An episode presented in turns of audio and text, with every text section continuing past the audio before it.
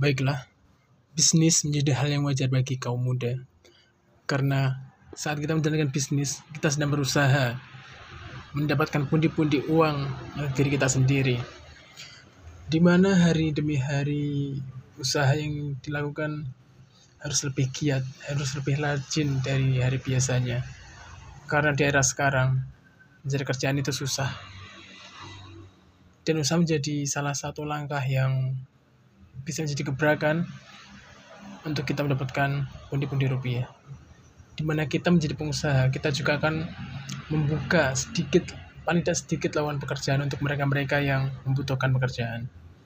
Karena kita sebagai pusatnya, sehingga kita harus memiliki pemikiran yang terbuka, yang luas, yang bisa menjadi hal yang pasti untuk mereka bekerja bersama kita.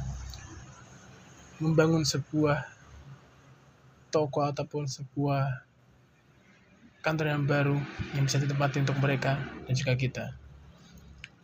Untuk tips dan trik berikutnya, saksikan kisah selanjutnya hanya di sini.